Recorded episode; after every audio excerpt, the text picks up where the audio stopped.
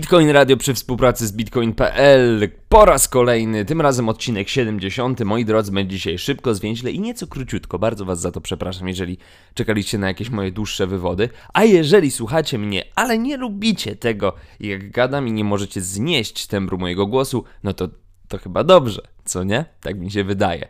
Zaczynamy od tego, żeby przeżyć sobie to, co dzieje się aktualnie na rynku. A Moi drodzy, y, Bitcoin od dłuższego czasu znajduje się w takiej. Y, niektórzy mówią, że to jest strefa wzrostu, inni, że to jest strefa spadków. Ja twierdzę, że to jest strefa spierdolenia. E, czyli, że kręci się gdzieś tak jak, jakoś w takim przeręblu, które jest wytyczone między 38 y, tysiącami a 42.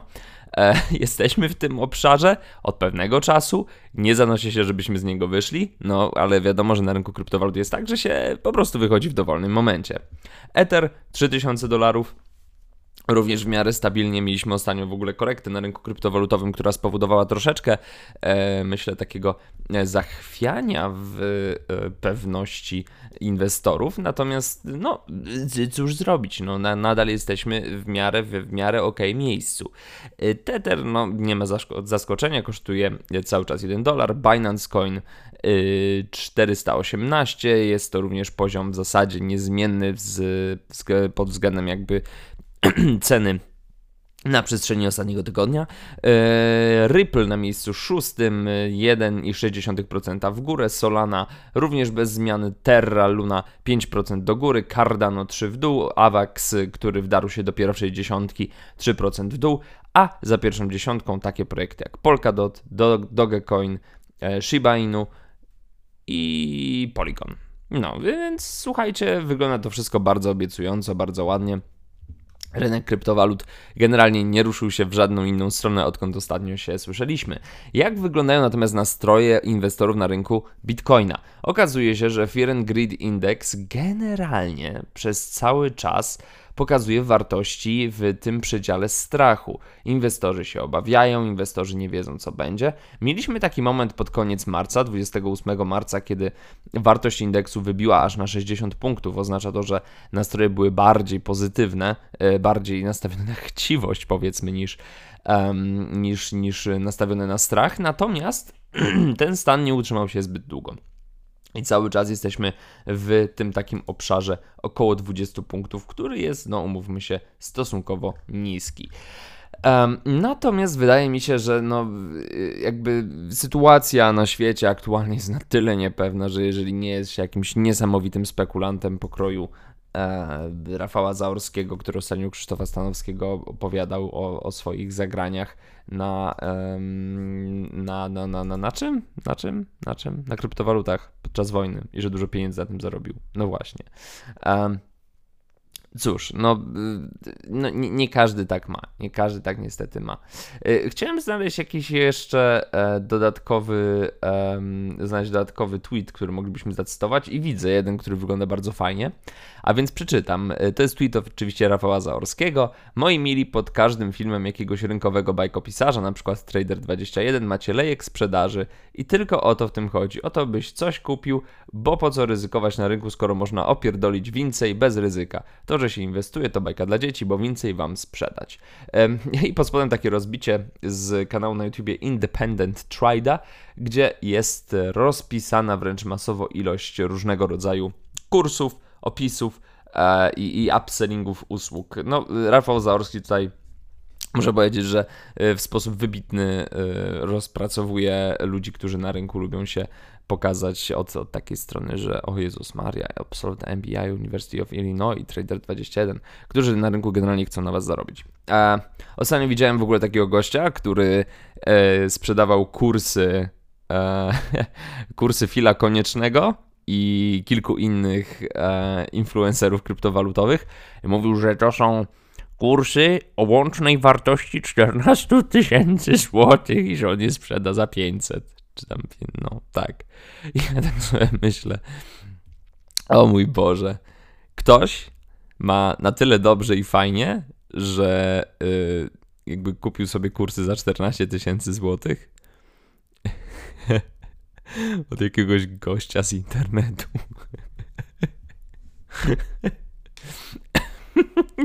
Jezus. Nie, dobra, stop. Dobra, e, przejdźmy teraz do rzeczy, czyli do wiadomości. E, generalnie dzisiaj będę leciał bardzo mocno po nagłówkach, bo nagłówki to jest to, co e, mi się lubią najbardziej. Pierwszy, który znalazłem, e, to jest wypowiedź CEO Ripple, czyli Brada Garlinghouse'a. Powiedział on, że maksymalizm bitcoina hamuje cały rynek kryptowalut. Eee, nazwał wręcz to takie zjawisko, jak, jakie obserwujemy wśród fanów pierwszej kryptowaluty, jako trybalizm. Czyli chodzi o to, że e, ludzie, którzy są przede wszystkim piewcami maksymalnej wartości bitcoina, skupiają się dookoła jakiejś społeczności, w której się generalnie kiszą. I to w ogóle prowadzi do polaryzacji. Z jednej strony to jest prawda, bo bitcoinowi maksymaliści to jest absolutnie najgorsza grupa społeczna. Tyle tylko, jaka, tyle tylko, że no, zastanówmy się nad tym, jaka jest alternatywa. Alternatywą są airdropiarze, są ludzie, którzy interesują się drobnymi altami, które mają po milion kapita kapitalizacji e, i kilkaset y, tysięcy dolarów wolumenu. No muszę powiedzieć, że no, ja wolę żyć już w świecie, w którym mamy bitcoinowych maksymalistów, niż ludzi, którzy na każdym kroku będą starali się mnie naciągnąć na jakieś gówno coiny. No umówmy się.